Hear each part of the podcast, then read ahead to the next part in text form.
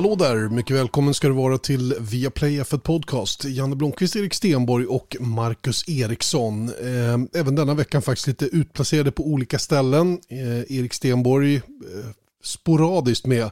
Han är ju och spelar in racingdokumentär nämligen med störtloppslegendaren norrmannen Axel Lund Svindal som ska bli racerförare och har testdag på Gelleråsen.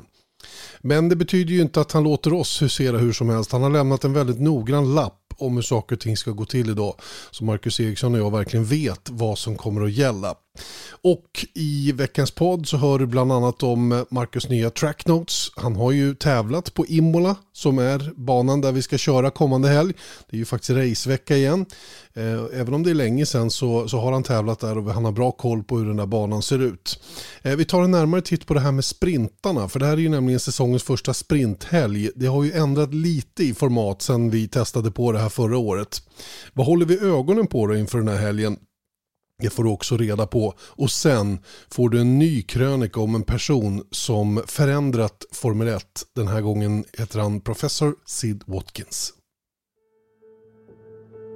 Autodromo Enzo Edino Ferrari, eller Imola, är en klassisk bana i F1-sammanhang. Men med ett mörkt förflutet efter den kanske mest tragiska helgen i Formel 1-sportens moderna historia.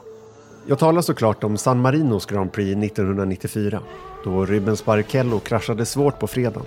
Österrikaren Roland Ratzenberger omkom under kvalet på lördagen och Ayrton Senna, hela Brasiliens nationalikon, avled efter en krasch i Tamburello-kurvan under söndagens Grand Prix.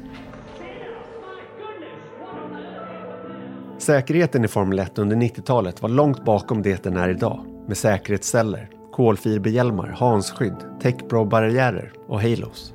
Samtidigt, jämfört med 60 och 70-talet då sammanlagt 26 förare omkom i en Formel 1-bil hade kurvan med allvarliga skador och dödsfall i sporten tagit en positiv riktning. Mycket tack vare en person vid namn Professor Sid Watkins, eller Prof, som han helt enkelt kallades i F1-depåerna världen över. Watkins var hjärnkirurgen som 1978 träffade Bernie Ecclestone, då teamägare för Brabhamstallet och ledare för Foka, Formula One Constructors Association. Ecclestone erbjöd honom anställning som officiell tävlingsläkare i Formel 1 för att bygga upp det då obefintliga säkerhetsarbetet i sporten. På den tiden bestod sjukvårdsfaciliteterna på banorna av inte mycket mer än ett tält med lite plåster och gasbindor. Watkins satte igång direkt med att försöka driva säkerhetsarbetet framåt, men möttes allt som oftast med motstånd. Det betydde ju merarbete för banorna och den allmänna känslan var att det kändes onödigt. Men han skulle, dessvärre, snart få vatten på sin kvarn. Mm, professor Sid Watkins alltså som porträtteras här utav Erik Stenborg och hela den här krönikan hör du alltså i vår podd och som ligger på Podmi. Podmi som fortfarande erbjuder med hjälp av koden F1 om du reggar ett konto via deras hemsida att lyssna på via Play F1 Podcast gratis då hela den här månaden ut. Som en liten prova på möjlighet om du vill fortsätta eller inte.